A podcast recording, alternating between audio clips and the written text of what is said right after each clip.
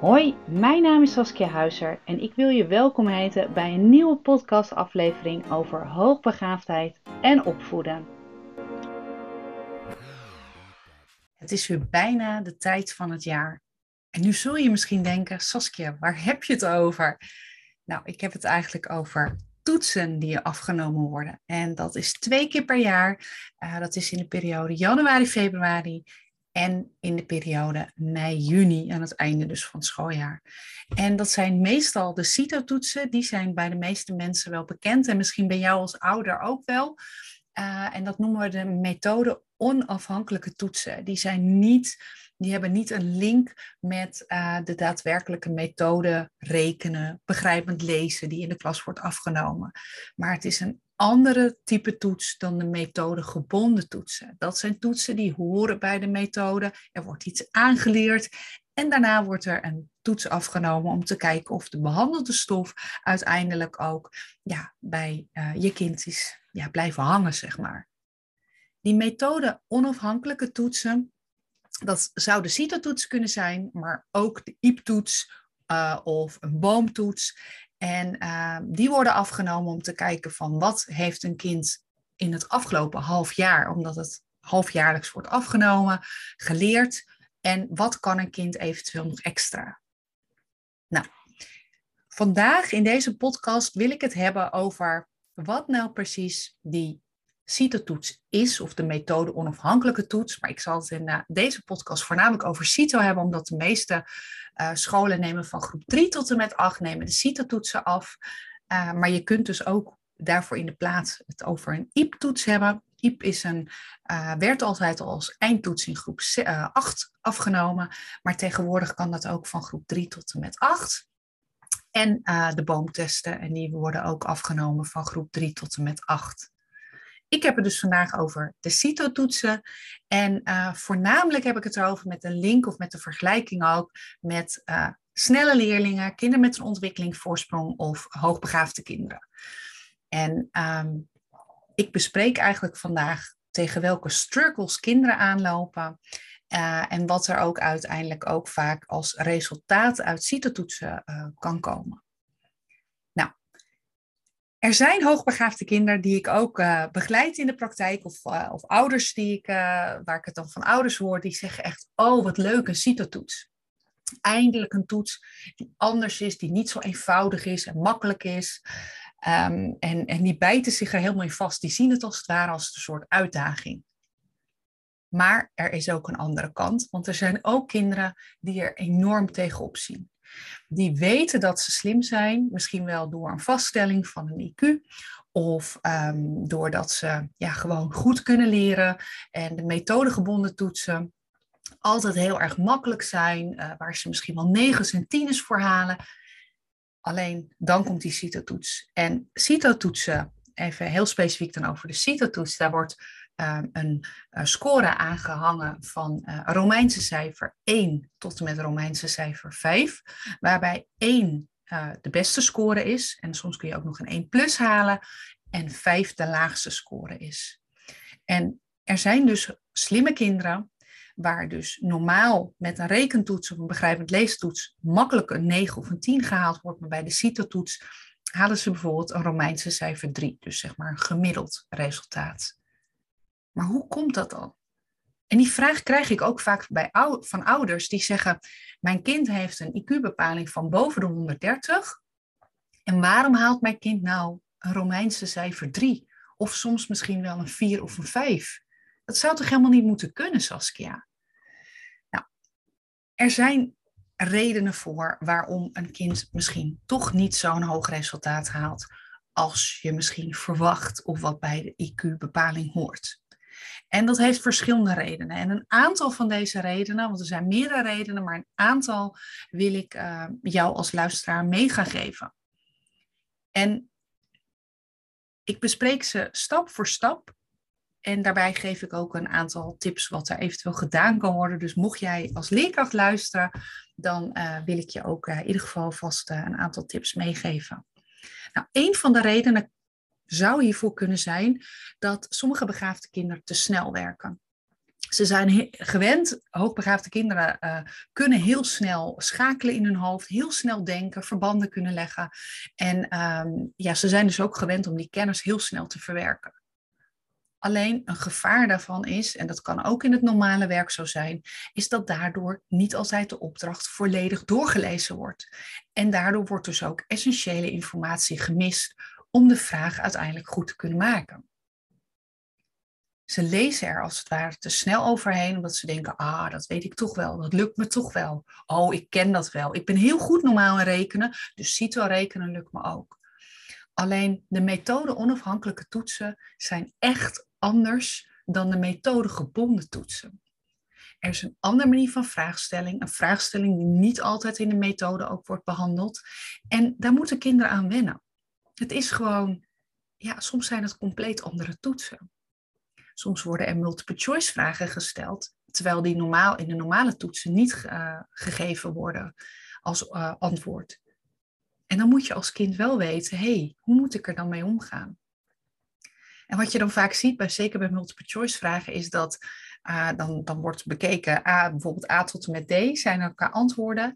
En dan wordt A wordt gelezen en dan denkt de hoogbegaafde, het hoogbegaafde kind denkt, uh, ja, nou, ik, volgens mij weet ik het wel. En dan wordt eigenlijk antwoord B tot en met C of tot en met D niet eens meer gelezen. En daardoor ja, kan het zijn dat het verkeerde antwoord wordt gegeven. Er zijn ook kinderen die precies het omgekeerde hebben, die juist niet te snel werken, maar juist een laag werktempo hebben. En uh, dat zijn vaak ook de kinderen die hele hoge eisen stellen aan zichzelf, omdat ze het heel goed willen doen. Ze willen het perfect doen.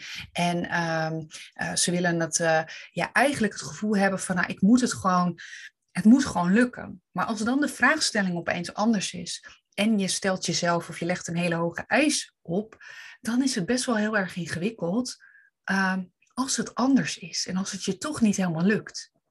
En dan, dan gaat die tijd eigenlijk, die gaat dan veel sneller. En, en dan op een gegeven moment hebben ze geen tijd meer of, of lopen ze vast. En dat zie je ook bij kinderen die zichzelf een bepaalde strategie, en een strategie bedoel ik mee, een manier hoe je uiteindelijk een opdracht kan gaan maken of kan volbrengen, uh, hebt aangeleerd. En waardoor je op een gegeven moment allerlei verschillende strategieën, dus verschillende manieren uiteindelijk gaat toepassen, waardoor je er niet meer uitkomt. Of waardoor je bij een ja, verkeerd uh, antwoord terechtkomt. Ja, en dan zou een kind ook in tijdsnood eventueel kunnen komen. Want sommige uh, CITO-toetsen worden ook, of tenminste sommige leerkrachten geven ook een bepaalde tijd aan. Van je hebt bijvoorbeeld een uur de tijd. En nou, dit geldt niet alleen voor uh, kinderen met een ontwikkelingsvoorsprong, maar ook voor andere kinderen. Kinderen worden soms heel erg gespannen als ze weten dat ze iets onder tijdstuk moeten doen. En ja, dan kijken ze bijvoorbeeld naar de klok en denken ze, oh, we hebben een uur de tijd. Oh, 30 vragen. Nou, dan gaan ze uitrekenen. Oh ja, ik denk dat ik twee minuten per vraag ongeveer nodig heb. Maar ja, ja, hoe zit dat dan? Oh, ga ik dat wel redden? Nou, ondertussen allemaal belemmerende overtuigingen komen er dan in, in de kopies, zeg maar, van, uh, van misschien wel van jouw kind ook. En dan um, voordat je het weet, is er misschien al, zijn er alweer 10 minuten voorbij en is er nog maar 50, is er nog maar 50 minuten zijn er dan nog maar over voor die 30 vragen. En dan opeens, oh, maar dan heb ik minder dan zoveel tijd en dan komt er stress en dan, ja, soms ook wel een blokkade of een blokkering ook. Het helpt ook dan voor kinderen om de tijdstuk weg te halen en een kind langer of ja, het liefst wel onbeperkte tijd te geven. Dat kan makkelijk op de basisschool. En uh, dat kan niet bij alle toetsen, want er zijn ook leestesten. En leestesten gaan vaak wel op tijd of automatiseeropdrachten uh, ook. Maar het kan op de basisschool wel. Op de middelbare school is een ander verhaal, want dan gaat een uh, kind gaat op een gegeven moment na bijvoorbeeld 50 minuten of een uur weer naar een andere docent toe en moet naar een ander lokaal toe. Ja, en dan moet een toets wel echt klaar zijn. Maar op de basisschool is het vaak wel mogelijk om uiteindelijk een kind langer de tijd te geven of desnoods om bijvoorbeeld smiddags nog wat even wat te gaan doen. Nou, wat je ook heel erg vaak ziet, is dat uh, slimme kinderen, die natuurlijk enorm goed kunnen denken en snel kunnen schakelen en soms wel, nou ja, uh, dat de kopies zeg maar overuur maken, zeg ik wel eens. die uh, kunnen soms ook hun eigen kennis gaan inzetten. En waardoor zij eigenlijk niet meer gebruik gaan maken van de informatie die juist in een toets wordt gedeeld, om uiteindelijk een antwoord te vinden. Hierdoor kan het kind nog meer complexer gaan denken. En ik weet niet of je dit wel eens bij je eigen kind hebt gezien, bij je eigen zoon of dochter, dat je stelt een vraag waarvan je denkt, nou, dat lijkt me toch wel heel logisch. Uh, bijvoorbeeld inderdaad van uh, uh, noem eens een aantal uh, reptielen of zo op. En dan opeens gaat een kind twijfelen van ja, is een, is een hagedis nou wel een reptiel of niet? Of een salamander? Hoe zit dat nou? En, en voordat je het weet, gaan ze allerlei ja, dingen um, in hun hoofd halen om te denken, ja, maar was een reptiel nou, was dat nou ook met iets met water of niet, of met eieren? En, en hoe zit dat nou? Ja, en voordat je het weet, kunnen ze een heel eigen verhaal van gaan maken. En ja, dan wordt, wordt het veel complexer en blijven ze niet meer bij de uiteindelijke vraag. Maar blijven ze hangen van, oh ja, wat was het nou? Salamander, is dat nou een reptiel of niet? Of... En dan zijn ze het uiteindelijk zijn ze het kwijt. Een ander voorbeeld, en uh, dat zie je vaak bij begrijpend lezen, want begrijpend lezen is vaak wel ingewikkeld voor uh, kinderen die uh, hoogbegaafd zijn, omdat dan vaak nou ja, de radertjes, de hersenen, die gaan dan opeens ratelen en draaien. En um, een vraag bijvoorbeeld die gesteld kan worden in een begrijpend leestekst, gaat, is bijvoorbeeld over, ik noem maar wat, water. Um, wij hebben in Nederland hebben we genoeg voldoende drinkwater. Uh, maar in Afrika is dat anders. Daar is een tekort aan water. En daar moeten mensen bijvoorbeeld langer lopen voor, uh, of naar een waterput om uiteindelijk vers of schoon water, schoon drinkwater te kunnen halen. En dan uh, kan er bijvoorbeeld een vraag zijn, en dat is meer een inzichtsvraag ook. Wat zou je kunnen, of wat zou iemand in Afrika kunnen doen om ehm, aan water, aan drinkwater te kunnen komen? Nou, bijvoorbeeld antwoord A is, dan kun je naar een waterput lopen en daar kun je drinkwater halen. Antwoord B is bijvoorbeeld, uh, ga uh, graven en uiteindelijk kun je dan, uh, krijg je grondwater en uh, ga daar een put maken. Antwoord C is bijvoorbeeld, um, ga een waterleiding aanleggen richting de zee. En dan is antwoord D weer iets anders. Nou, stel even in het antwoordenboekje van CITO of van de methode onafhankelijke toets staat antwoord A is de oplossing, want uh, mensen in Afrika uh, waar droogte heerst, die moeten naar een, um, uiteindelijk moeten die inderdaad verder lopen om bij een put te komen. Dat dat zeg maar de snelste uh, manier is in plaats van een put uiteindelijk maken en dus graven, grondwater en maar stel dat jouw kind hierover aan het nadenken is tijdens de toets. En die denkt, oh, maar dat zou toch mooi zijn als je inderdaad gaat graven. En misschien kun je dan meteen wel een waterleiding aanleggen of een waterbuizen. En die buizen, ja, die maak je dan heel lang. En dan uiteindelijk komen ze bij de zee. En, dan heb je water. Niet bij, misschien bij stilstaan van dat het schoon drinkwater dan is, omdat het dan bijvoorbeeld zoutwater is. Maar als jouw kind dat denkt en die gaat, er, die gaat hele mooie ideeën hebben. Oh, en desnoods zetten we nog wel een zuiveringsinstallatie zetten erbij. Maar ja, dan hebben we veel meer mensen die dan, dan, uiteindelijk water krijgen, schoon drinkwater. Hoeven niet meer uren te lopen naar, um, naar een put om uiteindelijk drinkwater uh, daar vandaan te halen.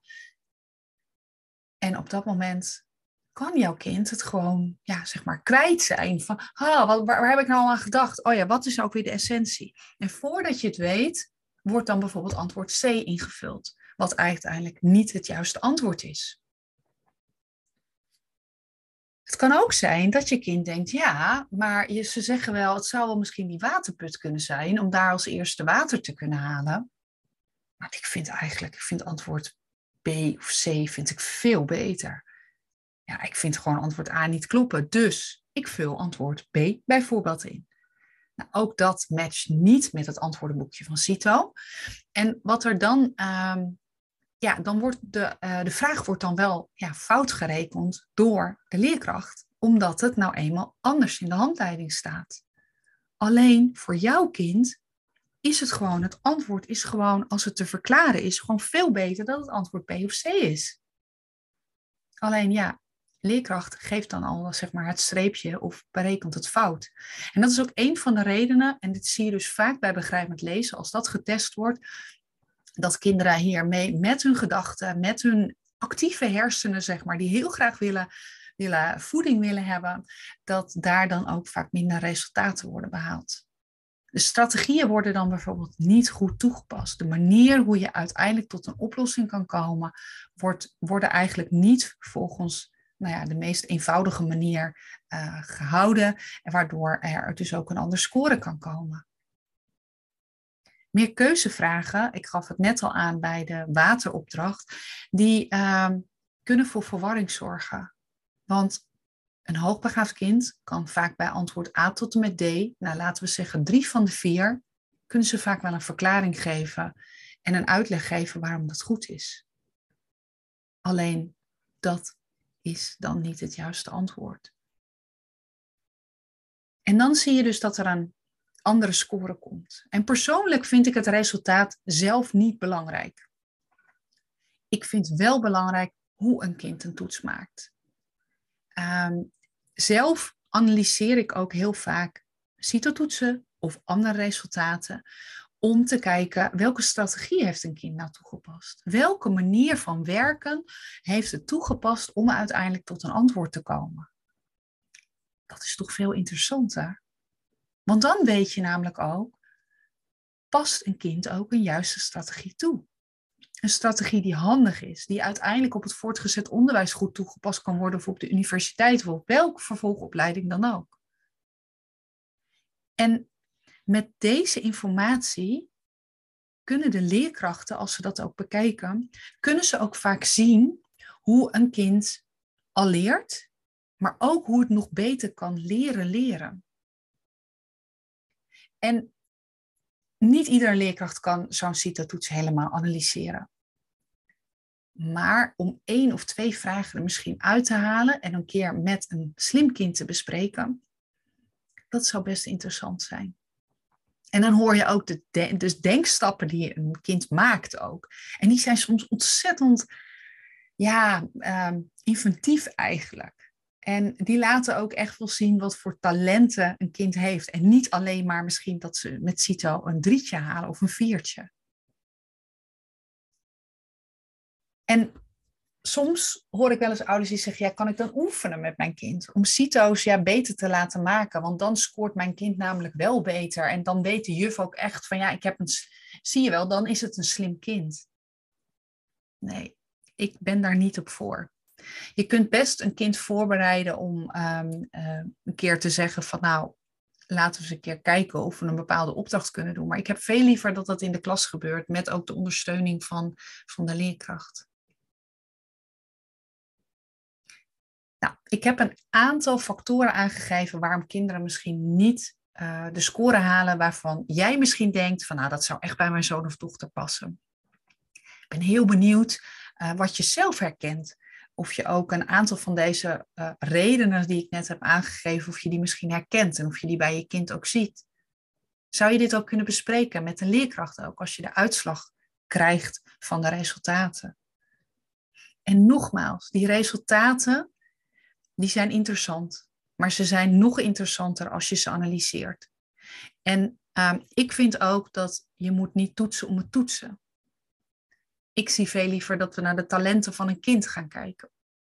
En dat we, gaan, dat we de CITO-toetsen, de resultaten die daaruit komen, gaan gebruiken om een kind nog verder te helpen, om nog verder te ondersteunen. En dan om een kind te zeggen, nou, je hebt nu een CITO 1 score, oké, je mag nu naar de plusklas toe. Nee, er zit zoveel meer in een kind. En ik hoop dat jij dat ook bij je eigen kind ziet. En probeer ook als je kind een resultaat krijgt, probeer ook echt te kijken naar het proces en niet naar het product. Dus niet naar het resultaat of het cijfer. Dat is zo belangrijk. Ik ben heel benieuwd hoe jouw kind omgaat met CITO-toetsen. Laat het me weten. En um, mocht je dit een leuke of een interessante podcast En je wil deze delen met andere ouders. Heel graag. Want hoe meer je dit deelt, hoe meer je ook een, een beoordeling geeft ook. Want dat kan op zowel op Spotify als op Google Podcast en op Apple, ehm, komt mijn podcast ook vaker naar boven en kunnen andere ouders hier ook heel veel aan hebben. Want deze vraag wordt door het jaar heen ongelooflijk vaak gesteld. En in deze periode wordt er, ja, er wordt gewoon getoetst, op dit moment al, maar uh, zeker de komende maand ook nog, kun jij er heel aan hebben en andere mensen ook.